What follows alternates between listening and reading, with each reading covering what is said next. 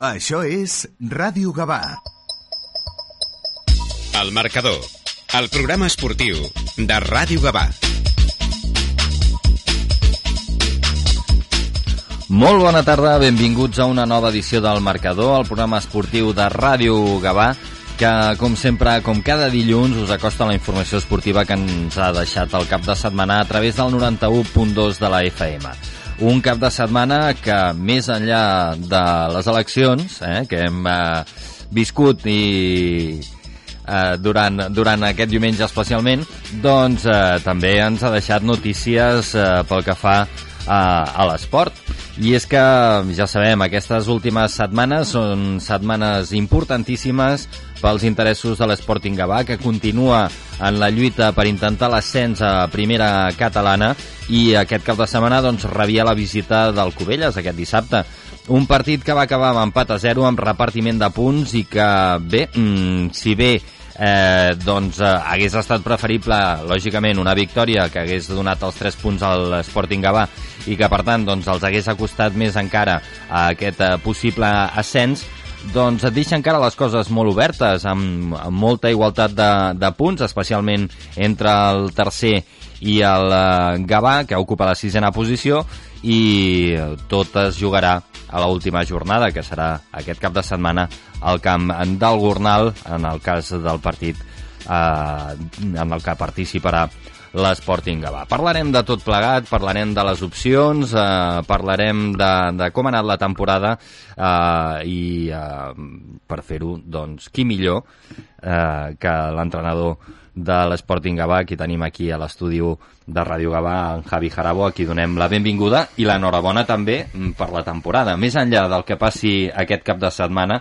eh, deixeu-me que, que li dongui l'enhorabona perquè eh, poc esperàvem, eh, si més no, ara fa pues, eh, 8 mesos, quan va començar la Lliga, que, que estaríem parlant aquestes alçades de, de l'Sporting Gavà, lluitant encara per aconseguir l'ascens. Hola, buenas tardes, Marc. Eh, sí, así es, así es. Ya hablamos a principio de temporada de, lo que era un poco nuestras aspiraciones y nuestros objetivos, eh, algo que, que, se ha ido hablando mucho aquí semana, semana tras semana. Y bueno, eh, la cuestión es que llegamos a la última jornada, como bien has dicho, con, con alguna opción o con opciones reales y, y, lo vamos a luchar hasta, hasta el final. Estas oportunidades no, no se presentan muy a menudo y por tanto hay que, hay que pelearlas y lucharlas hasta el final como, como estamos haciendo. Uh -huh. eh, de fet, eh, amb el Lorenzo Gaitán, que tenim aquí també a l'estudi. Bona tarda. Bona tarda, Lorenzo. Eh, ho hem comentat moltes vegades. Eh, jo me'n recordo eh, aquella prèvia que vam fer de, de, abans de l'inici de, de la Lliga eh, a Can Tintorer, que, que et vaig preguntar, bueno, quin és l'objectiu, no? I tu em deies, no, no, nosaltres l'objectiu és créixer com a, com a entitat i com, i com, a, i com a equip. Eh, mm però, ostres, eh, aquest creixement us està portant, eh, tot i que no us ho havíeu marcat com a objectiu, a, a continuar somiant, no? Com diu el Lorenzo també, setmana a setmana, de, de, que és un somni que, que, que teniu encara a tocar. Mm. Sí, sí, así es. Nosotros entendemos que, que los objetivos en el fútbol o en el deporte no, no tienen que ir ligados eh, al 100% de, del resultado deportivo, ¿no? Del, o del, del éxito, pues que sea eh, ligado al, a, una, a un puesto en la clasificación a una, o a unos puntos conseguidos, ¿no? Sino principalmente porque entendemos que eso no depende al 100% de, de ti mismo, ¿no? Entonces, preferimos centrarnos en, en, lo que realmente depende de, de, nosotros, ¿no? En ese crecimiento que, que comentabas, ¿no? Que depende de, de uno, pues, pues el, el, día a día, ¿no? El día a día de, del club, de, del equipo, eh, pues facilitar a, a, los jugadores para que estén en un ambiente y un espacio a gusto y que, y que puedan rendir al máximo nivel. Y a partir de ahí lo otro es una es una consecuencia, ¿no? Ya digo, dependen de muchísimos factores que, que algunos pues no el controlas tú al 100%, lesiones, eh, decisiones eh, arbitrales, eh, el rendimiento de otros, de otro, de, de, del equipo que tienes delante, que no, que no depende de ti, ¿no? Eh, y al final, bueno, es fácil de entender, ¿no? Esta semana nosotros, eh, ganando, por ejemplo, podemos eh, ascender de categoría o puede ser que nos ascendamos. Entonces, para mí la temporada, eh, bueno, el objetivo de la temporada eh, será será más que correcto, pase lo que pase, ¿no? Pase lo que pase.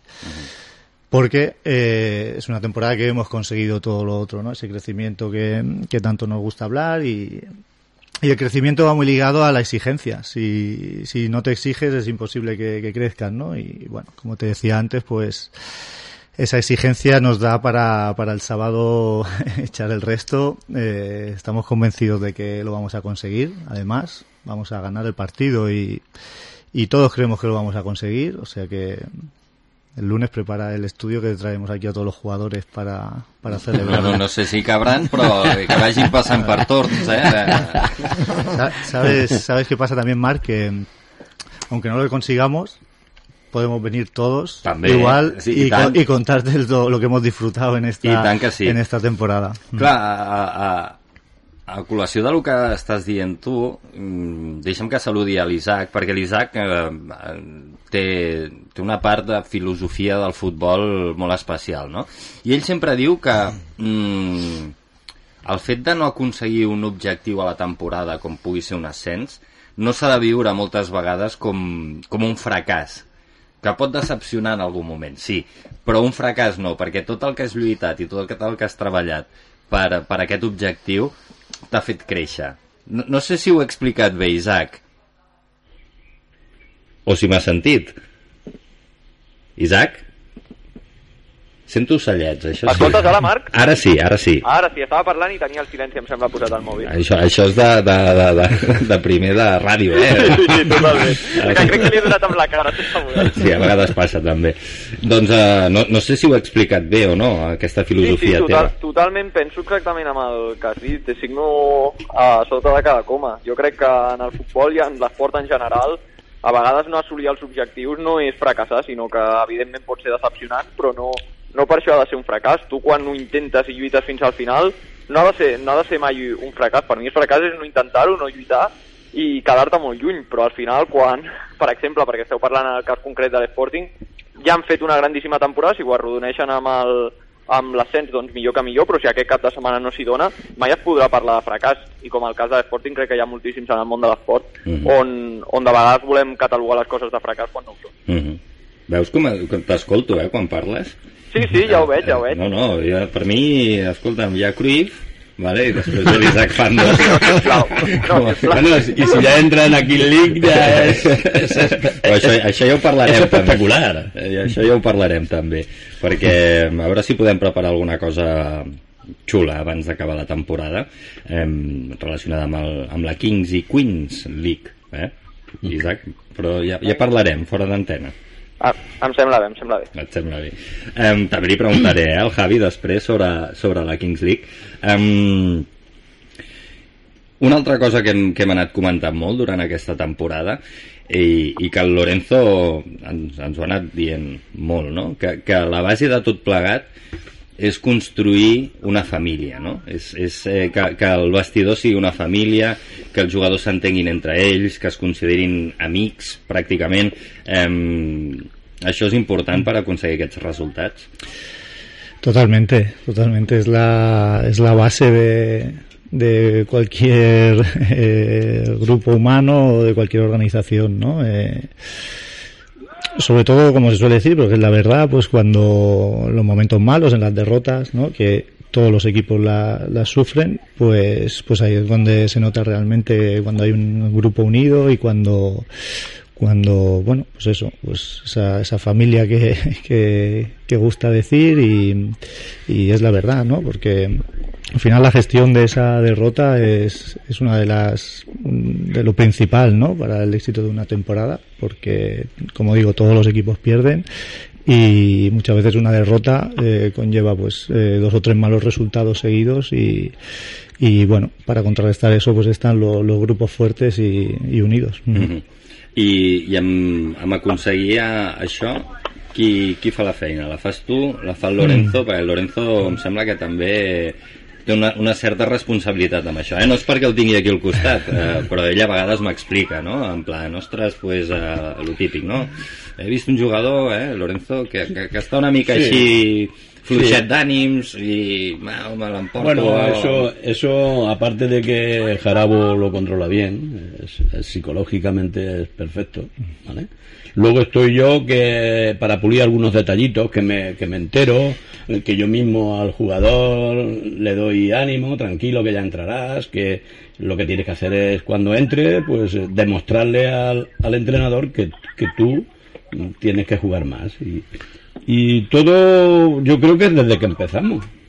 Yo no he visto ningún equipo de empezar, empezamos en cuarta, que haya tenido mm, desde el principio hasta el final esa ilusión, ese, eh, esos entrenamientos a tope, que tú los ves y dices, pero hostia, ya estamos en cuarta.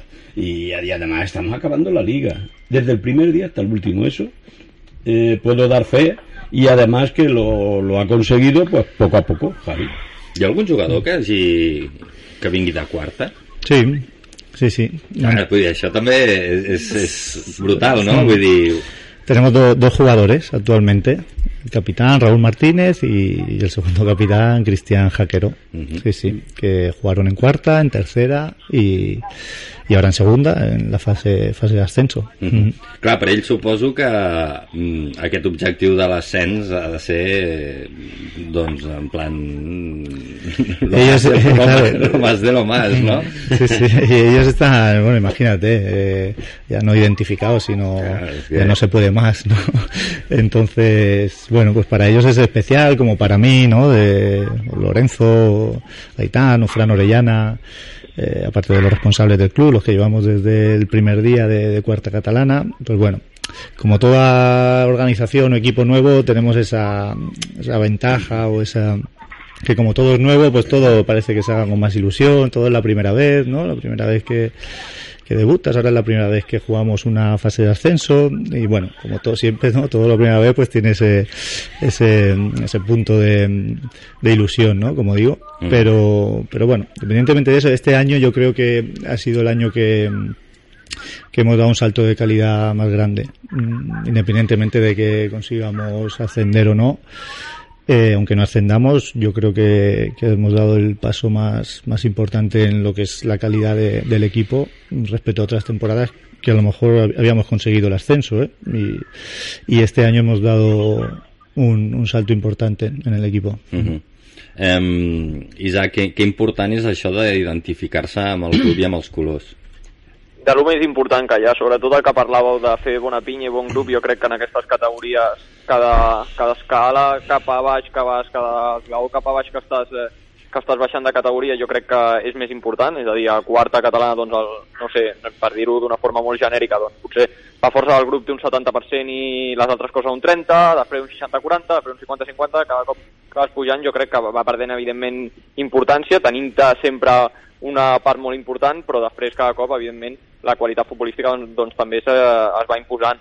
Jo crec que, que en el cas de Sporting, doncs, eh, com deia Javi també, encara tenen dos jugadors de, de quarta catalana, que si és veritat que són pocs, té moltíssim mèrit que hi hagi encara dos jugadors que estaven dues categories per sota i ara estan lluitant per un ascens de tres categories per sobre, i, i jo crec que al final estan fent molt bé la seva feina i ho poden refrendar aquest cap de setmana. Sobretot, el més important era una mica el que deia al principi. Al final han fet molt bon any i passi el que passi a la darrera jornada, s'han d'agafar com que han fet un camí junts molt important i que si aquest any no, no es culmina, això els ha de servir d'aprenentatge de cara a la temporada vinent. Uh -huh.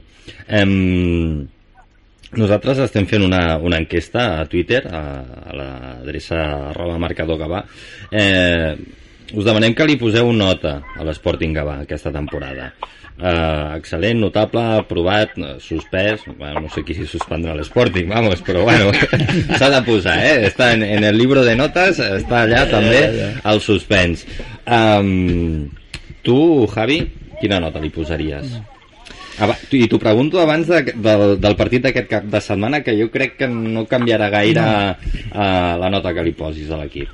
No, no, es que volvemos un poco a lo del principio, ¿no? Eh, la nota final o, se considera el objetivo eh, no por lo que pase esta semana, sino por, por todo lo que llevamos trabajado este año. Y al final también con el tema de la identificación de los jugadores, cuando tú lo que ofreces a los jugadores, lo que le explicas es un objetivo, claro, te arriesgas a que si no consigues ese objetivo, eh, a mitad de temporada o faltando unos partidos, claro, es difícil conseguir esa, esa identificación, ¿no? Pues venía para algo que no lo vamos a conseguir, ¿no? Mientras que si este objetivo como os explicaba, pues van más enfocados a la estructura, a, a todo esto, pues, pues los jugadores de identificación es más sencilla.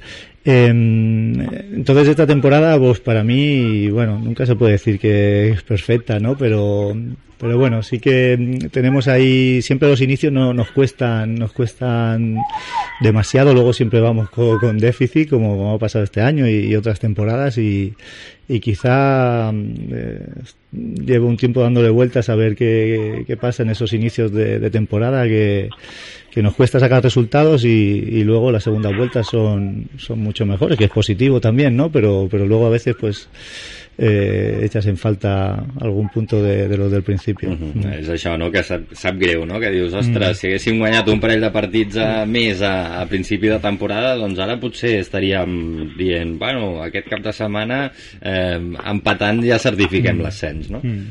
Eso les pasará a todos también, ¿no? Sí, no, no, no, todos los equipos eh, echan en falta, si hubiéramos ganado, si hubiéramos tal, pero, pero sí que es verdad, es que si miras todas nuestras temporadas hemos ido de, de menos a más, que es positivo, pero que, pues bueno, mm, también puede ser de, de más a más y, y, entonces todo sería perfecto, ¿no? Uh -huh. Per tant, posem un notable? Notable, nota? sí. sí. Mm. Vale. Um, ara, ara que comentava això, Isaac, el, el, el Javi, um, clar, una mica, potser és això el que ha passat a, al Gavà. És a, a dir... què et refereixes? No, que ell, ell es comentava, no?, que, que el fet de, de marcar-te un objectiu concret quan veus que la, la cosa es desinfla i que aquell objectiu és inassumible o que costarà molt o ja veus tu que la cosa va pel pedregar eh, hi ha molta gent que s'esborra Sí, clar. Que, que sí, diu, clar, clar, escolta'm, jo no he vingut aquí a això, jo he vingut a posar altres històries, no? Llavors, mm, el fet de ser... Com, com, com ho diria? El fet de ser, no sé si coherent o, o honest, eh, el fet de ser honest i dir, escolta, mira, nosaltres eh, et podem oferir això, vale? Mm, si les coses surten bé, mm, a veure on ens porta, però el que et podem oferir sí o sí és, és, és això.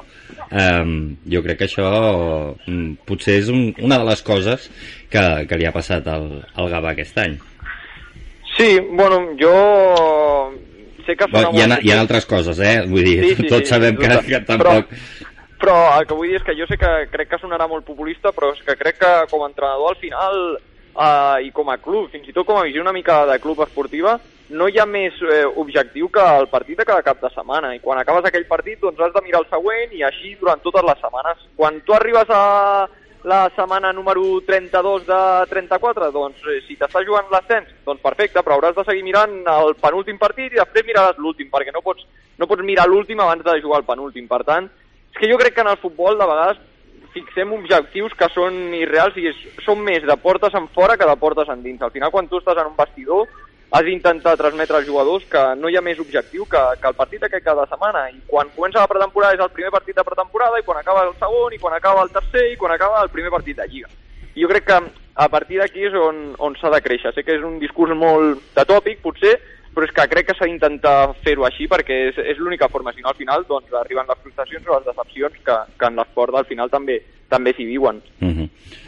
Clar, potser diguéssim que les categories ara que, que, que estem parlant, a, a segona catalana i tal, ens hem contaminat una mica massa de l'esport professional.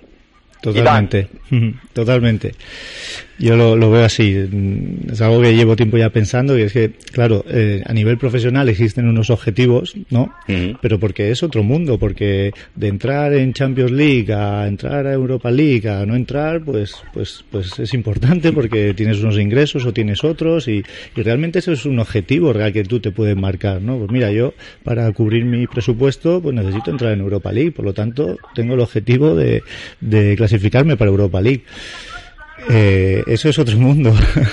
Nosotros estamos en, en otra historia, que es el mismo deporte, pero pero en eso no tiene nada que ver bajo mi punto de vista, ¿no? Y, a veces, pues bueno, lo que decía Isaac, que eh, comentas un objetivo a largo plazo, a final de temporada, ¿no? Transmites ese objetivo de que tiene que ser el ascender y luego le estás pidiendo al jugador que solo piense en el partido del domingo, ¿no? Entonces, bueno, mmm, los jugadores porque no, bueno, mmm, pero, pero claro, es un poco incongruente, ¿no? decir, no, yo te marco el objetivo de final de temporada, pero tú solo piensas en el partido de, de esta semana. Bueno, es complicado para, para el jugador, ¿no? Entonces, bueno, tú no pienses en objetivos. Eh, aquí lo que te podemos dar es lo que decía antes, ¿no? Pues trabajar el día a día y tal. Y, y entonces sí que piensa en el partido de, de esta semana, ¿no? Y la semana siguiente en el, en el, siguiente. No tienes que pensar en otra cosa.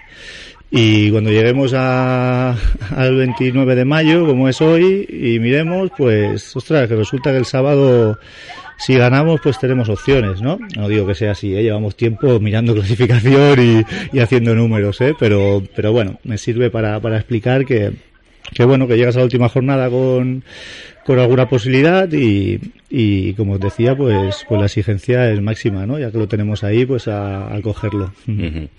um, deixem que saludi, perquè tenim aquí a l'estudi a, en Pedro Cordillo, que és el president de, de DISGA, que també és una entitat eh, per a aquella gent que no, que no la coneix, però que jo crec que la coneix tot Gavà, a DISGA, eh, que, que és una associació eh, de, de, de, bueno, amb gent amb diverses capacitats, eh, sobretot intel·lectuals, eh, i que, en certa manera, eh, teniu un conveni amb, amb l'Sporting Gavà i us trobeu en una situació mm, bastant semblant, no? Que esteu a punt també de, de veure si certifiqueu un ascens o no. Sí, sí, ahí estem.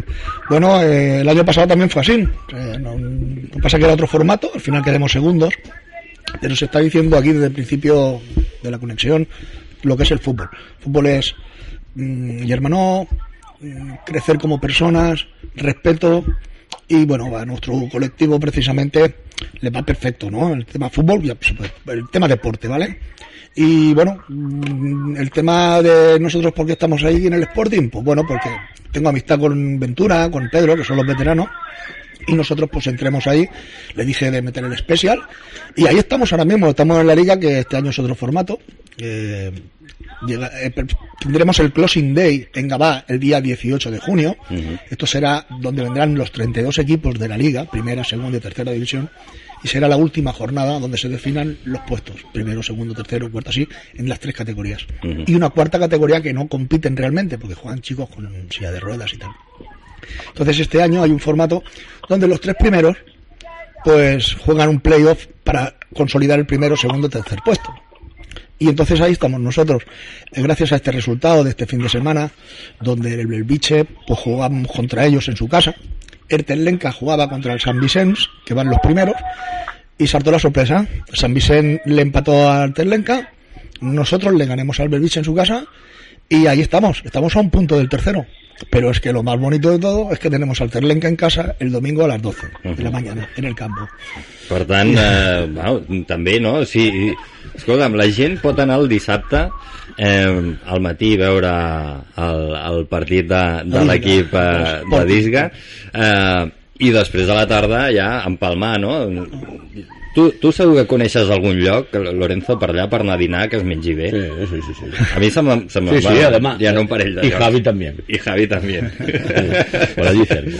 doncs, doncs això, eh, bueno, és, és una opció, no? Mm, buen plan, sí, sí. Buen plan, do, dos ascensos. Eh, en Ah, juego. bueno, claro, pero que, que jugamos fuera. Claro, el, fuera, el no, a, sábado. nosotros, a nosotros no nos hace falta nada para, Gornal no queda muy lejos, ¿no? para montar un, un, un sarao. No, nos- no nos hace falta mucho. Pero bueno, sí que es verdad que eh, juegan aquí y nosotros jugamos en Gornal. Pero que si hubiera que ir un poquito antes al Gornal eh, y comer, También conoces un par de sitios. Javi, Javi lo borda. ahí. Nosotros tenemos preparado la, una cena de- posterior de, de celebración, digamos, de la temporada. Se gane o se pierda. Hombre, claro.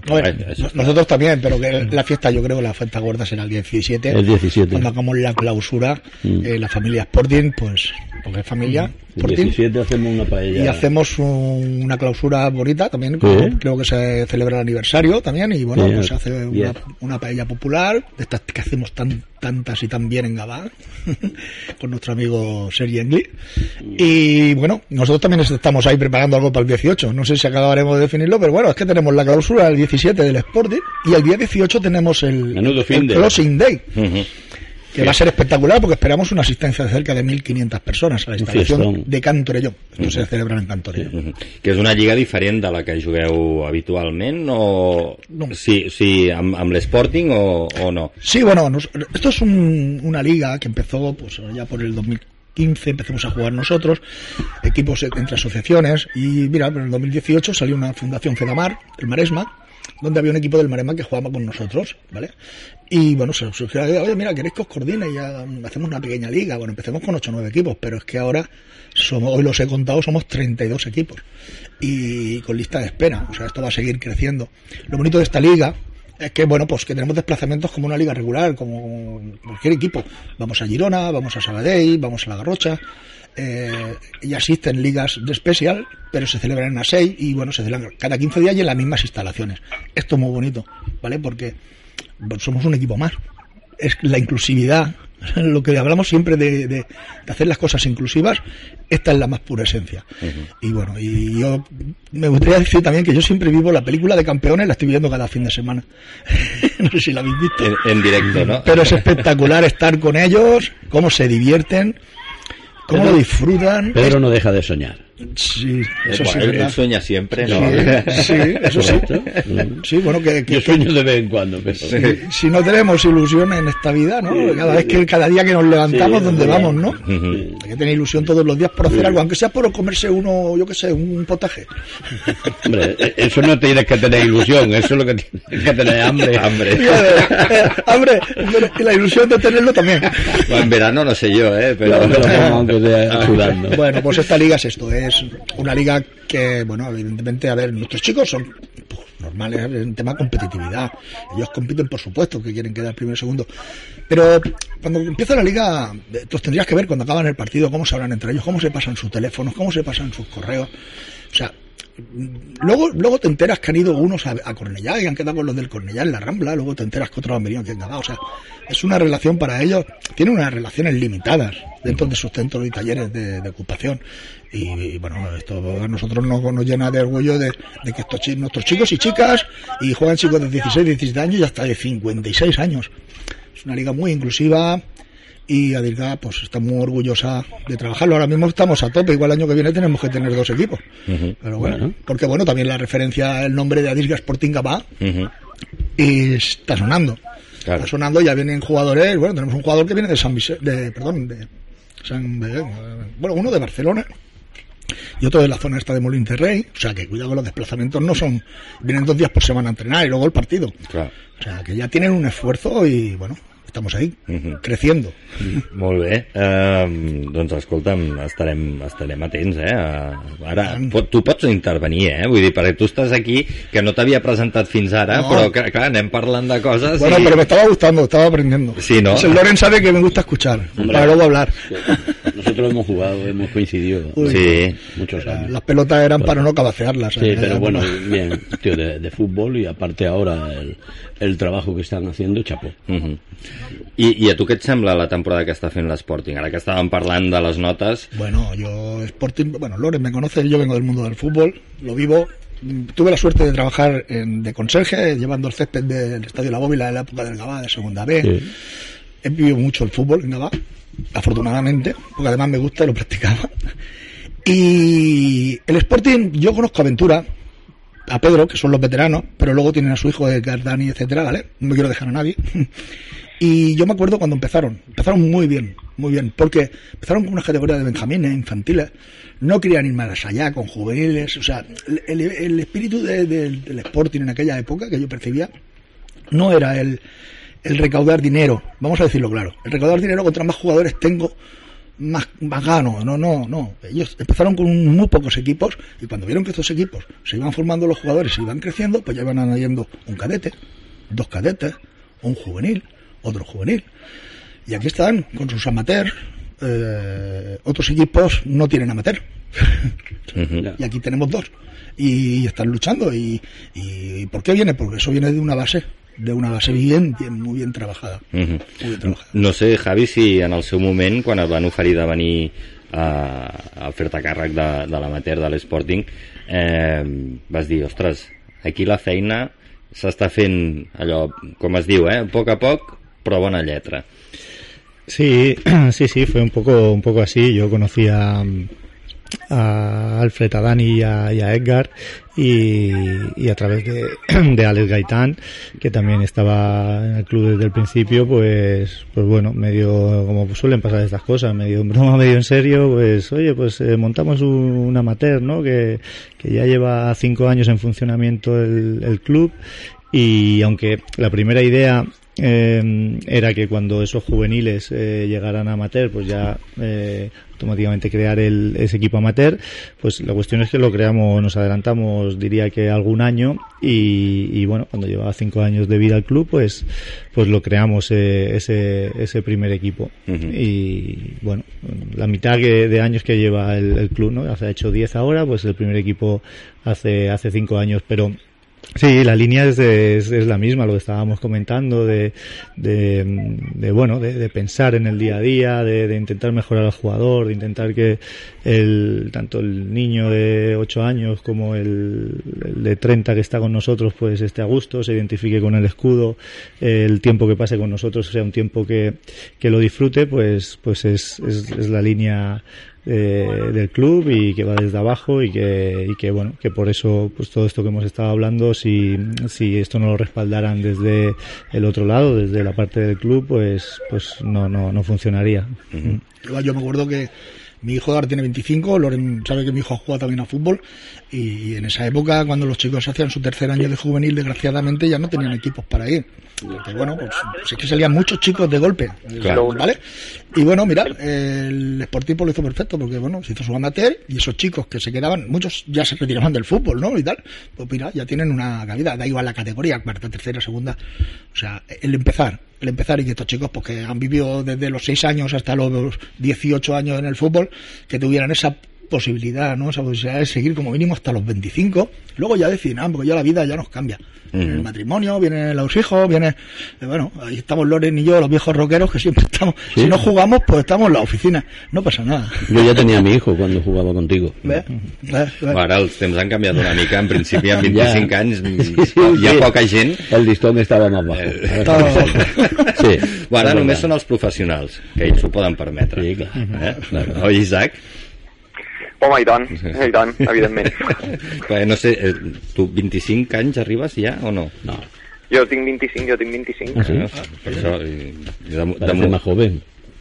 Vaig començar a Gava, em sembla, no sé si era major d'edat, però de poc, en plan d'un any o dos. Eh? Sí, sí, sí, no, ja, ja fa uns anyets, ja fa uns anyets. Ja fa Eh, 5 anys o 6, em sembla. mm, Mira, pues com, com l'equip amateur de, de l'Sporting, eh, més o menys. Més, de fet, fa. Més fa. M- Més. perquè jo crec que vaig començar a intervenir aquí, me'n recordo el primer programa perquè va ser el playoff del Gavà de tercera o segona B i em sembla que jo és la temporada 15-16. Mm. A la 22-23, doncs sí, entre 6 i 7 anys. Mm, Déu-n'hi-do, Déu-n'hi-do.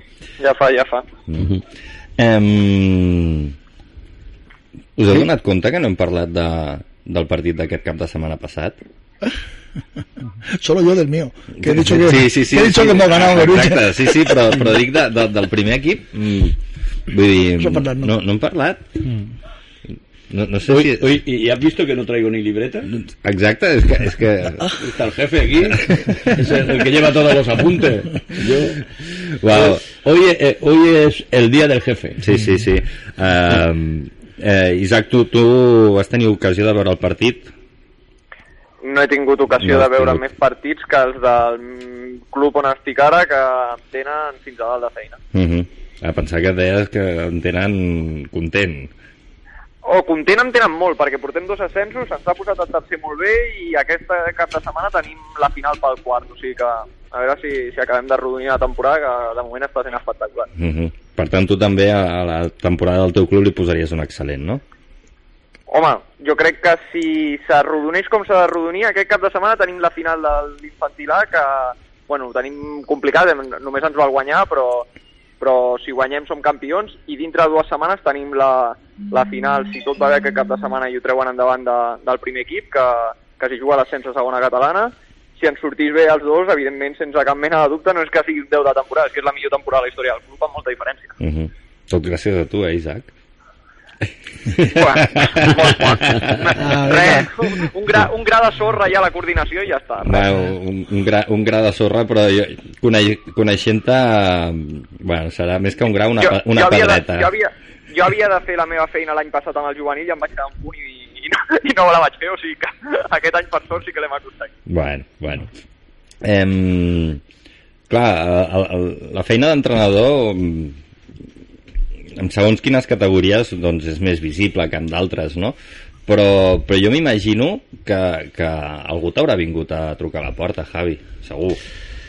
Bueno, digamos que yo con el Sporting tengo una situación un poco diferente o ¿no? de lo de, una relación normal de entrenador club no ya lo hemos eh, explicado no eh, yo estoy desde el inicio montamos el equipo eh, lo creamos digamos entonces pues esa esa unión y eso yo el equipo lo, lo siento muy mío no entonces bueno Mm, no es una situación normal, habitual de un, un entrenador que oye que está aquí y está allí, ¿no? Yo de momento, pues lo que te digo, estoy súper identificado, lo siento, lo siento como mío, como algo mío. Mm, veo que cada año vamos a más y, y esa, y esa es la idea. Estamos disfrutando mucho, decías del partido del otro día que no habíamos comentado, esto, bueno, pues lo disfrutamos muchísimo, muchísimo. Eh, el campo estaba a tope, mm, un partido de nivel, ¿no? Que eso también gusta, ¿no? Cuando ves que, que, tus jugadores, pues, pues muestran un nivel alto y tienes enfrente un equipo de nivel y ocasiones y la emoción, ¿no? Y, y, esa tensión y se acaba y queda una jornada y si marcamos dependemos de nosotros mismos y con un gol pues estaríamos ahora mismo en, en ascenso eh, el otro día. Entonces, bueno, eso hizo que lo disfrutáramos mucho. Eh, no era el resultado que buscábamos, lógicamente, buscábamos la victoria. Pero bueno, ese punto que en ese momento no éramos tan conscientes, pero ese punto nos da la posibilidad de, mantenernos con, opciones y, habremos eh, disfrutado pues eh, toda la fase de ascenso, que era algo que, a mí personalmente me preocupaba al inicio, ¿no? Como íbamos con déficit de puntos, piensa que ya la primera jornada que vino aquí el Vilafranca hace dos meses, pues no recuerdo exactamente, pero estaríamos a 8 o 9 puntos de, del tercero o cuarto que, que podía tener opciones, que era precisamente el Vilafranca. Y venía aquí la primera jornada y decíamos, si perdemos, ya está, ya está nos claro. ponemos a 12. Claro. Eh, desde la primera jornada, ¿no? Que creo que eso también ha sido algo importante en toda esta fase, ¿no? Que nosotros esa, llámalo presión o llámalo, eh, si perdemos ya está, pues, pues lo tenemos desde el primer día. Entonces, bueno, luego la, las victorias que fuimos consiguiendo nos dieron cierto colchón para poder perder algún partido, que lo hemos perdido, pero, pero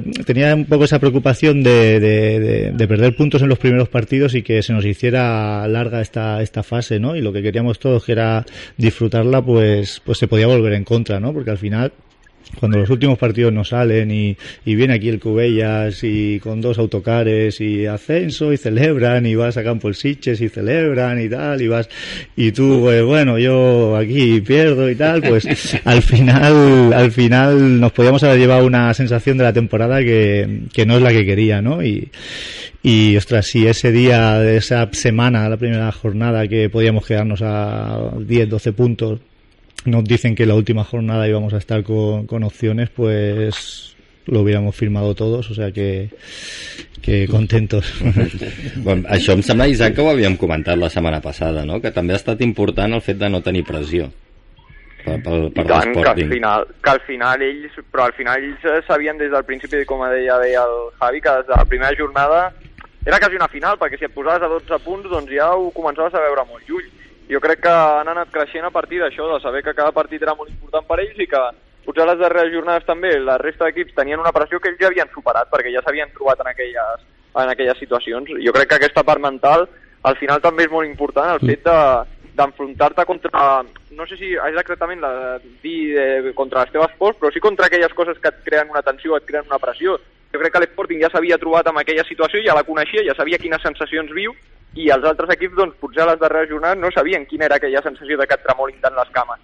Jo crec que a partir d'allà, doncs, també han tingut, eh, no la sort, perquè al final això no és sort, però sí el fet de ja haver-ho treballat i ja haver-ho competit els ha beneficiat, sens dubte. Mm -hmm. Mm -hmm. Sí, sí, así es. Eh, aparte es algo que, que, explotamos o que queremos explotar mucho, ¿no? Esa, esa situación que puede tener el Gornal esta semana de, de, una final para ellos, de todo o nada, pues nosotros, como decimos, pues ya llevamos nueve partidos nueve, nueve así, finales, ¿no? nueve, nueve finales. finales. Entonces, bueno. Eh, respetando a Gornal, que lo quería decir, que aparte de esta situación nos llevamos muy bien con, con la gente de allí y, y, esperábamos que esta última jornada fuera, fuera diferente, sobre todo para, para ellos seguramente, ¿no? Después de la gran temporada que, que habían hecho. Que, que, que, han hecho, pues bueno, al final parece que o uno o otro y, y bueno, però serà, serà un partido muy bonito. Mm -hmm. Segur que sí. Um, si us sembla, anem a fer una breu pausa publicitària i després uh, continuem parlant, perquè a més ens queda moltes coses. Ens queda comentar la resta de resultats del cap de setmana um, d'aquesta fase d'ascens. Eh, ens queda fer el sorteig de la porra eh? i us explicarem coses en quant a la, a la porra i als pernils. vale? Una breu pausa i tornem de seguida.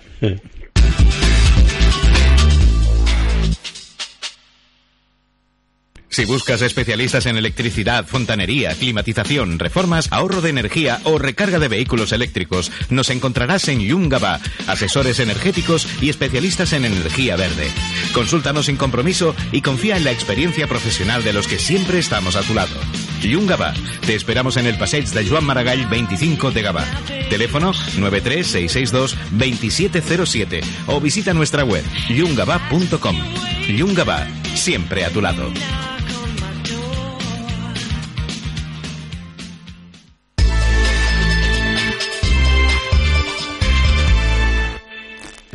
Doncs ja tornem a ser aquí després d'aquesta breu pausa publicitària. Eh, Isaac, eh, tu avui tens pressa o no? No, fins a les 9 que no començo a entrenar crec que tenim una reunió però és en una estona, o sigui que cap problema. Vale, vale, doncs eh, així anem, anem tirant. Doncs mira, eh, anem a fer una cosa, anem a, anem a repassar els resultats eh, d'aquesta jornada, en aquesta fase d'ascens, com està la classificació, i si voleu comencem a parlar de números, eh? a fer de matemàticos, I, i, a veure, i a veure quines opcions reals. En Javo, que avui haig de dir que ha dedicat una bona estona fer números, eh? No sé com ho haurà fet, si ha fet servir un programa o no, però, però escolta'm, mmm, percentatges d'opcions i tal, una cosa espectacular. Si teniu opció, visiteu el Twitter de, de Havoc, que, que com sempre... Ja lo visitamos, ja. ja bueno, i, i, jo ho sé que tu, Lorenzo, el visites. T'ho dic que algú que estigui a casa que digui no ho he vist avui, doncs pues aneu-hi perquè, perquè bueno, explica allà els percentatges, la, bueno, una cosa que, que sembla de la NASA. Eh, anem a repassar resultats i classificacions. Doncs aquest cap de setmana els resultats han estat els següents. Sant Ildefons 2, Gornal 1, Fundació Atlètic Vilafranca 1, Sitges 4 i Sporting Gavà 0, Cubelles 0. Amb aquests eh, resultats, eh, el Sitges és líder i ja té l'ascens matemàticament aconseguit amb 57 punts. Eh, segon és el Cubelles amb 54, tercer el Gornal amb 52 també eh, amb 51 punts, perdó, a la quarta posició el Sant Ildefons, a la cinquena posició, posició el Fundació Atlètic Vilafranca amb 51 punts també i a la sisena posició l'Sporting Gavà amb 49.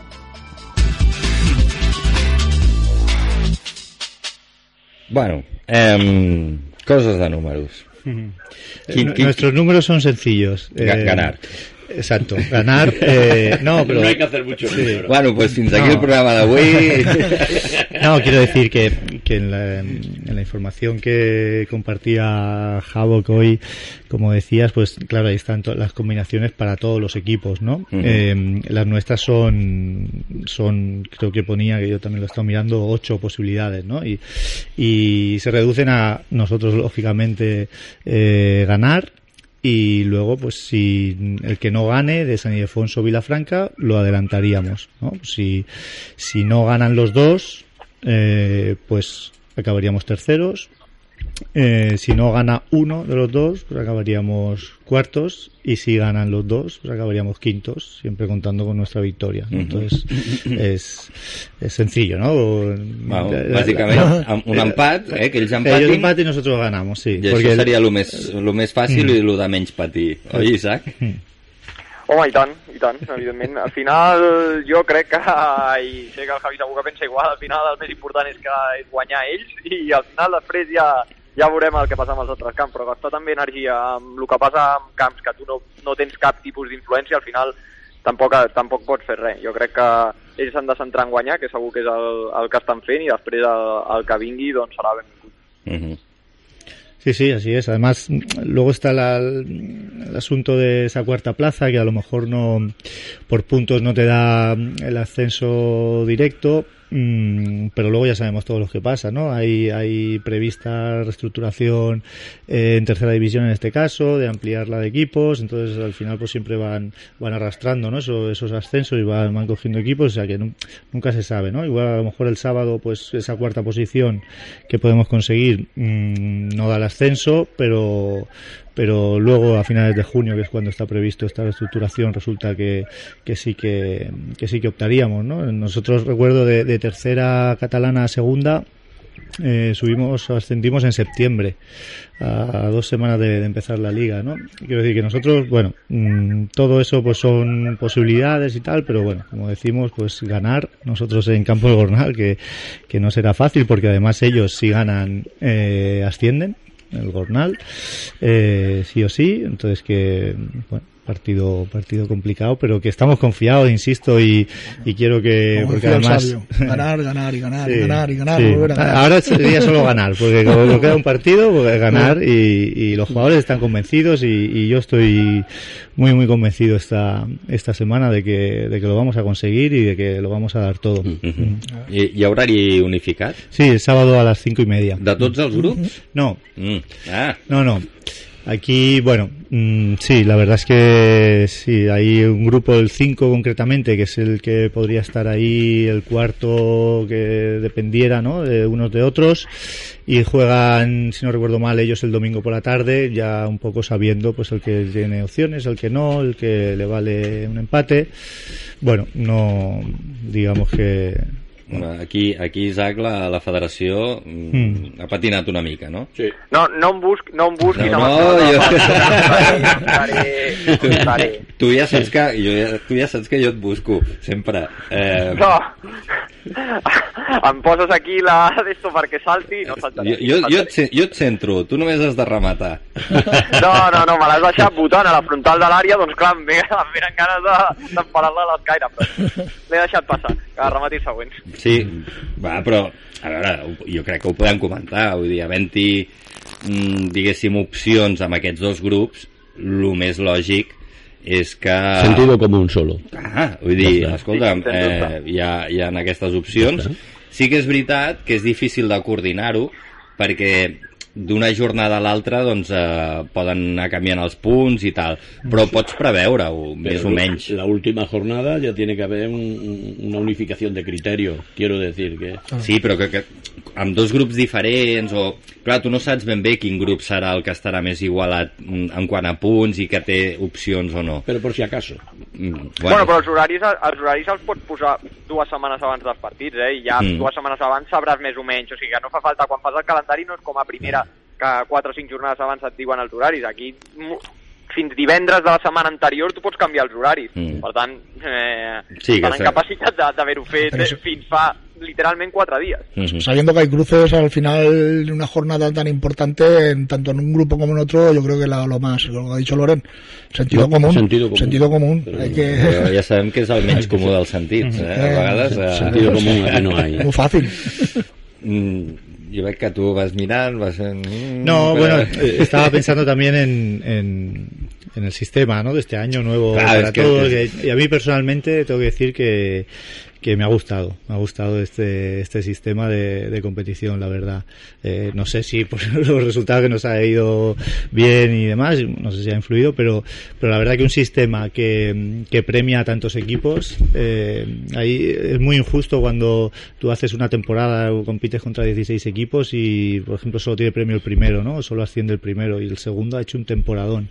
Eh, este sistema que, que por un lado de 11 equipos del principio premia a los tres primeros y ahora de 6 eh, a otros tres, pues pues en ese sentido Es más justo. eh, es más justo, ¿no? Quizá habría que mm, perfeccionarlo, sobre todo por esa fase de permanencia que, que ha acabado demasiado pronto, igual pues algún sorteo de- a posteriori para no para no saber eh, lo que pasó en la última jornada, ¿no? Pues si me interesa más tener menos puntos porque me cruzo con este que lleva menos y tal, perfeccionarlo, pero pero a mí el sistema mm, como concepto de ligas más reducidas y dos fases y tal, bueno, al final tiene más, más premio y, y es positivo, ¿no? Pero vaya, que el- ya está previsto que el año que viene pasamos otra vez al sistema normal. clàssic y de tota la vida, de- de puja el Sí, primer i segons ja com Sí, segon millor. Sí, sí. Si, si es lo que tendría que haber sido, pero bueno, lo que Bueno, dice pero, Javi. pero, pero, Pero lo que dice Javi, yo estoy también con él, ¿vale?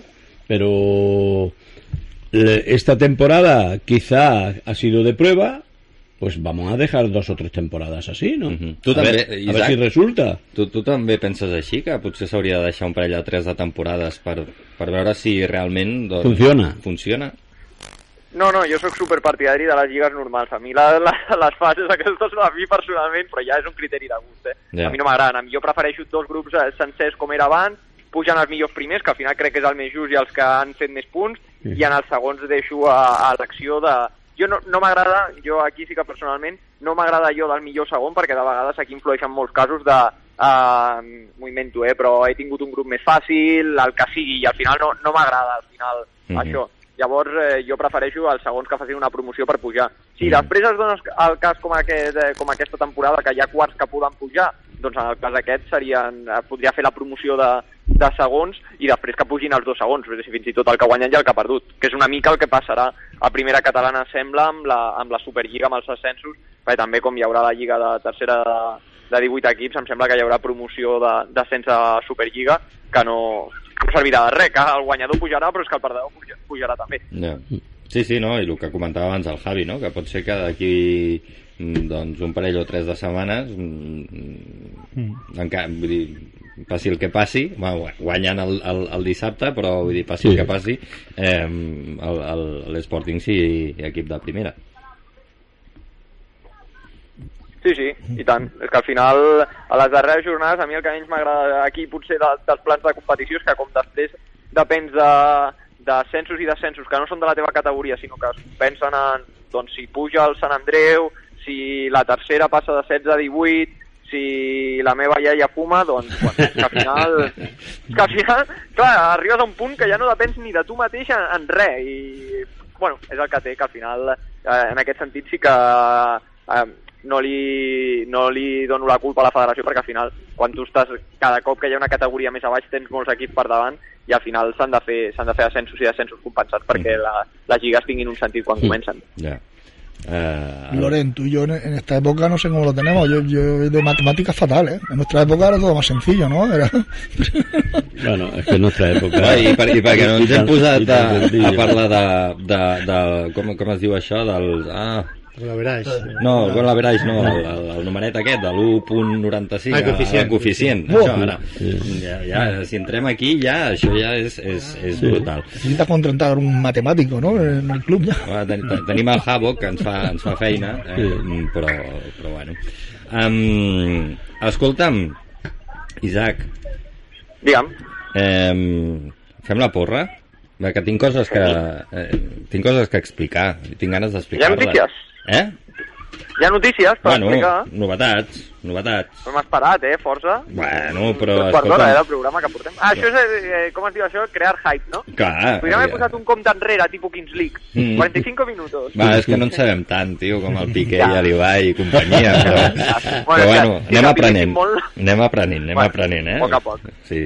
Um, ja, m'ha vingut una... És igual, ja t'ho explicaré. Um, uh, anem, anem a fer la porra, anem a fer la porra, va. Carnisseria Soler, des de 1965, patrocina la porra del Club de Futbol Gavà i l'Sporting Gavà. Doncs una setmana més amb la porra del Gavà i de l'Sporting Gavà, com sempre, gentilesa dels nostres amics de Carnisseria Soler. Uh, avui és dia de sorteig. Avui és dia de sorteig, eh, ho estem transmetent eh, no per Twitch, però per um, Twitter. Twitter. Eh, M'he fet gràcia a mi mateix dient Twitter. Eh, pues, eh, aquesta setmana no hi ha hagut cap encertant.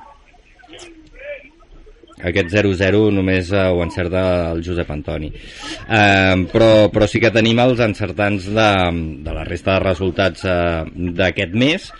I com dèiem, ara el que farem serà sortejar entre els encertants eh, qui és el guanyador d'aquesta espatlla ibèrica eh, valorada en 99 euros. Eh, una, una espatlla impressionant. Eh, tu n'havies sentit a parlar, Javi, de l'espatlla Sí, sí, sí, tanto, sí, sí. Os, No sigo, catado, os- pero- os sigo cada semana. Eh, no, no, no, no l'hem catat, eh? Ningú, ningú l'hem catat encara. Va, potser això ho podem solucionar. Ara, ahí lo dejo. Em, anem, a, anem a anar introduint les boletes, eh? Amb el número 1, aquest eh, número 1 eh, correspon a en Bruno Cano, eh? posem la boleta dins. Número 2, Fran Massip. Número 3, en César Vélez. Número 4, en Sergi. Número 5, l'Aleix Castro. Número 6, en David López Rodríguez. Número 7, Javi Maldonado. I número 8, César Vélez, que també va encertar el resultat de la setmana passada, de, no, de l'anterior, Sitges 1, Sporting 2. Anem a fer el sorteig.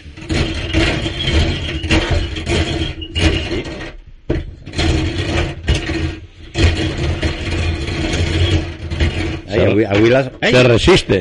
a veure... Ui, El número de la por.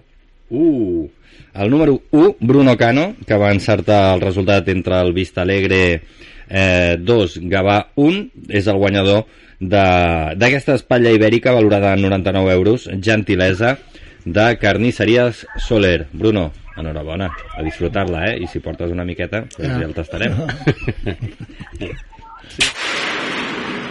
Carnisseria Soler, des de 1965, ha patrocinat la porra del Club de Futbol Gavà i l'Sporting Gavà. Ens trobaràs al carrer de Sant Joan número 3 de Gavà. Vale, ha, ha sonat la sintonia, però és igual. Jo us explico com ho farem. Perquè, clar, havíem dit, ostres, queda una jornada encara, hem, hem de fer, clar, una porra de, de l'última jornada només. Eh, clar, i a més, jugant-se tant a l'Sporting en, ens sabia greu. De, saps? De, clar, després surt l'Isaac fent antiporres i tot això i ho agafa i, no, no, no ens agradava la idea i aleshores doncs hem, hem decidit eh, fer-ho diferent eh? aquest cap de setmana no hi ha porra no hi ha porra eh Isaac? No, estic escoltant, estic escoltant. Em, però farem, farem un sorteig igualment vale? aleshores em, Podran participar els, els col·laboradors. mm, sí No. Ah, sí? Sí, Hòstia. sí, pots Hòstia, participar. és el primer cop estaré nerviós dilluns. Estaràs nerviós, eh? Puc, inter puc intervenir? Int sí. A veure, us- us hem impedit als col·laboradors participar fins ara, però els col·laboradors no cobreu un duro. Per tant, us, us, en aquesta ocasió i de forma exclusiva i especial I excepcional. i excepcional, els col·laboradors, també tu, Lorenzo, Mhm. podeu participar al sorteig. Bé. Com es farà? El Marcos ho explica. Uh -huh. Aleshores, em... clar, eh, diem, com, com ho fem? Què fem? No? I nosaltres el que ens agrada és que la gent s'impliqui amb els clubs de la ciutat, amb el que senti els colors, que demostri que sent els colors i aquestes Ui, coses. ui, ui, que sé per on vas, que sé per on vas, ara vull... I, a- i a la, aleshores... Els dos, únics, els dos únics cables que tenia al cap crec que han fet una mica... Ah, S'han connectat, eh? eh Doncs, eh, escolta'm, hi ha molta gent de l'Sporting que tingui la samarreta de l'Sporting? Fora dels jugadors? Sí, muchísimo. Sí que hi ha, sí. Mm. Muchísimo. Bueno, pero alguno quedará que no. Alguno quedarà... Bueno, oi, pues, eh, que vagi corrents a comprar-se una samarreta de l'Sporting. I del Gavà, doncs, estic segur que també. Els del Gavà, mm, com hi ha més història del club, eh, eh, pues, eh, escolta'm, ara que no hi ha competició, segur que si ets molt del Gavà tens alguna, alguna fotografia o tens alguna samarreta. Llavors la idea és fotografies amb la samarreta de l'Sporting o del Gavà, però no a Gavà. On sigui, A Viladecans. bueno, pot ser Viladecans, sí, o, Sí, o sí, pot sí. ser, pot ser, sí, sí. Però, jo, vull dir, el guai és, jo què sé, la Pampa Argentina, saps? I Sí, la sí. samarreta de l'Sporting o del Gavà. O, Jo estic Potes, pensant... en una- Astúries. saps? O Potes, Astúries, saps? Cuidado con los cracks de ordenador No, que Astúries ponen... no, que era Cantàbria. Bueno, pues Cantàbria, això. Eh, Sí. Potes cantar. És igual, jo no, no en sé de geografia, jo. Eh, Bueno. Però, jo què sé, ahir, Katmandú, saps? No sé, amb Sí, la sí, samarreta. sí. Pues, eh, us convidem a tots a, a publicar les vostres fotografies a Twitter i, i bueno, ho farem, ho farem per sorteig? Sí. Sí, ho farem per sorteig. Eh? Ah, jo pensava que guanyava qui, qui la posés més lluny de Més Gavà. lluny. Sí, vull dir, havies de trobar eh, viatge a Austràlia. Pam, ja que allà ja pràcticament era molt complicat. Pero que no haya montaje, ¿eh? Eso te iba a decir. Hoy en día hay unos No, no, montajes no. perfectos, ¿eh? Veo todo el mundo sí. poniendo la camiseta Ni- ni- en París, allí en la Torre Eiffel. Tampoc serveix la intel·ligència artificial, eh? De, en plan, no, píntame a mi con la camiseta del Sporting en, Ah, la, però ara- en la luna, clar, saps? Tindreu un problema, és difícil, he de discernir el Photoshop. Que avui Eh. en dia està molt avançat, eh, ja. Mm, bueno, no sé. Per això ho fem per sorteig. Saps? Dir, doncs ja havíem de fer alguna criba. A més, si algú fa un bon Photoshop o una bona IA eh, posant-se a la Lluna, doncs mira, també li donem per bona, saps? Sí, sí. Home, Tot sí. i que sabem que la Lluna no hi ha anat. Exacte. Que no hi ha anat ningú a la Lluna, ho sabies? No, això diuen alguns. Eh? Si, si comencem ara amb aquest tema, també. No, no, no obrim el meló. Em, No, que sí, que sí, hi han anat 12 persones, concretament. Veus? Eh, El, el Josep Antoni Magnífico ho sap, vull dir, té 12, 12, ho té controlat això. D'aquí uns anys em sembla que en van 3 més, no? No sé. ¿Los perritos los has contado? Habían mandado perritos también, ¿no? Algo de eso.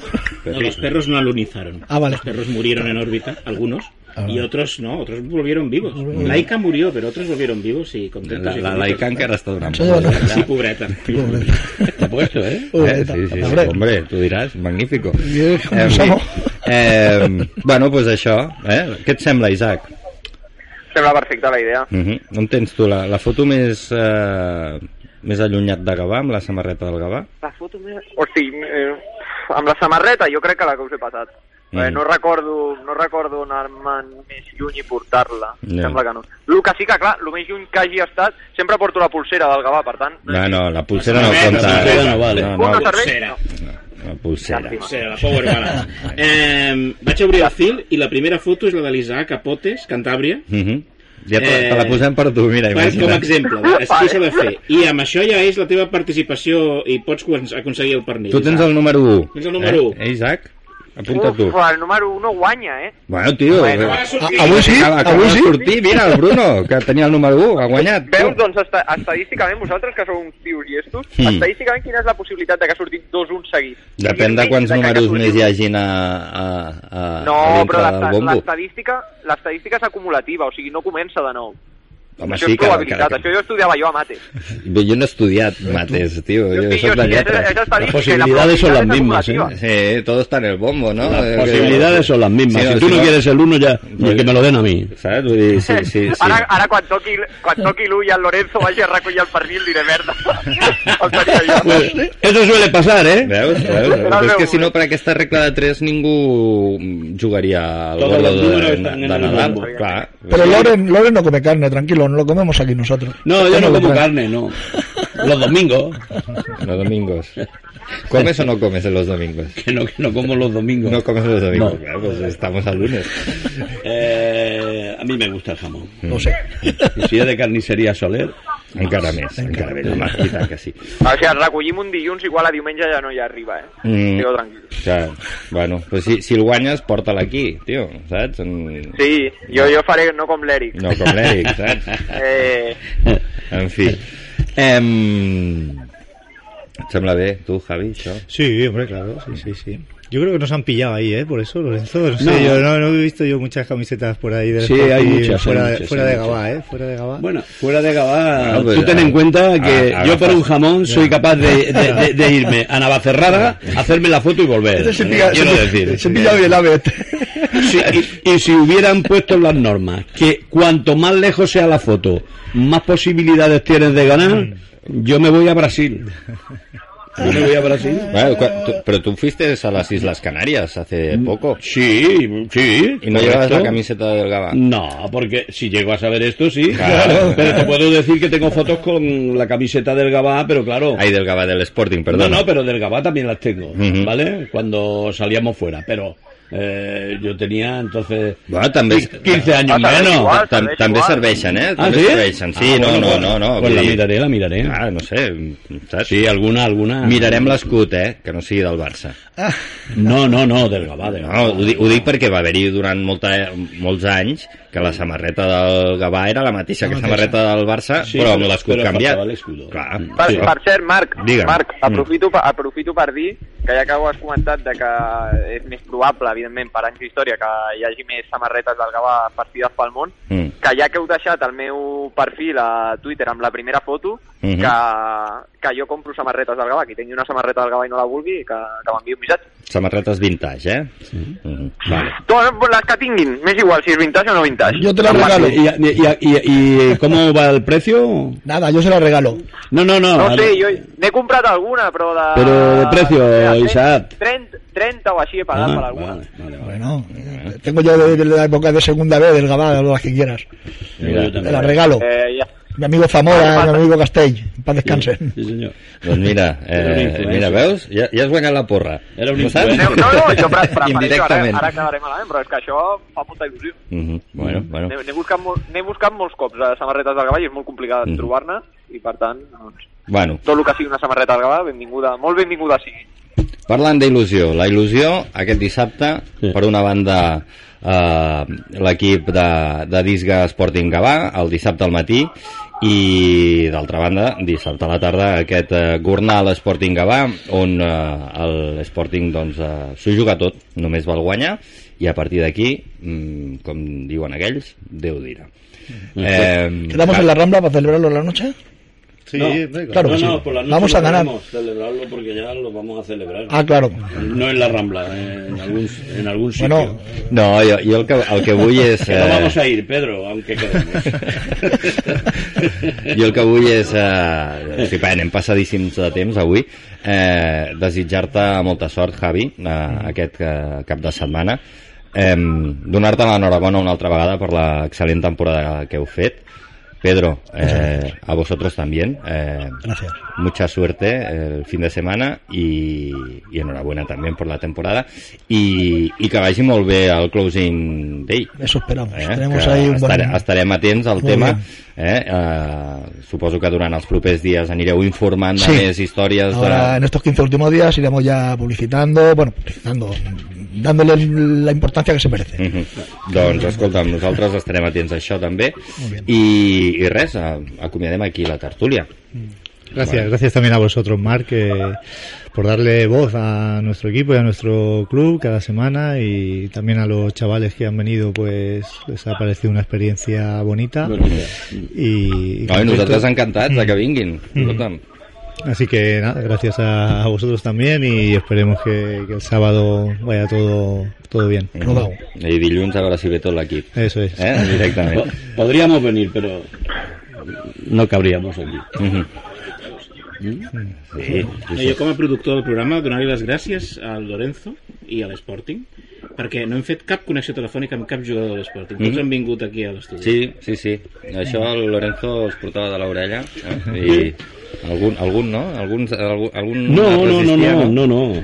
Lo que pasa es que siempre, siempre eh, eh? ante, ante de- Digues, No, no, que deia que espero que, que, espero que no hagi estat un palito per mi per no... No, home, no, no, no, no, no, no, no, no, no, ja sabem que sé, que sé. que tu, tu tens eh, dispensa. Lo que está claro es que yo eh, cada lunes, antes de nada, se lo decía al mister. Y el mister decía, pues mira, podría ir, eh, porque hay muchos que trabajan. Claro. Y hay muchos, entonces, bueno, la conexión ha sido total. Mm, Perfecte, nosaltres encantats. No, que vull aclarir, Isaac, de cap de les maneres, eh? Jo, de, per tu, No, només no, no, tinc... ja ho sé. no, no, no, no, és que ho vull dir, només tinc bones paraules, és, ets el millor que ha passat pel marcador. Mm. Molt, moltíssimes Sempre, gràcies. entre Em tots, poseu entre tots els que hem passat per aquí, tu eres el mejor. Venga. Isaac, Ahí queda. Ahí queda. y Lorenzo Naval, no Lorenzo Naval, porque estoy escuchando traer a los jugadores aquí. eh, Eres el papá de los chavales, ¿no? Sí, bueno, hago lo que puedo. bueno, doncs això, eh, molta sort als que us jugueu alguna aquest cap de setmana. I Isaac, eh, moltes gràcies per atendre'ns. A vosaltres, com sempre.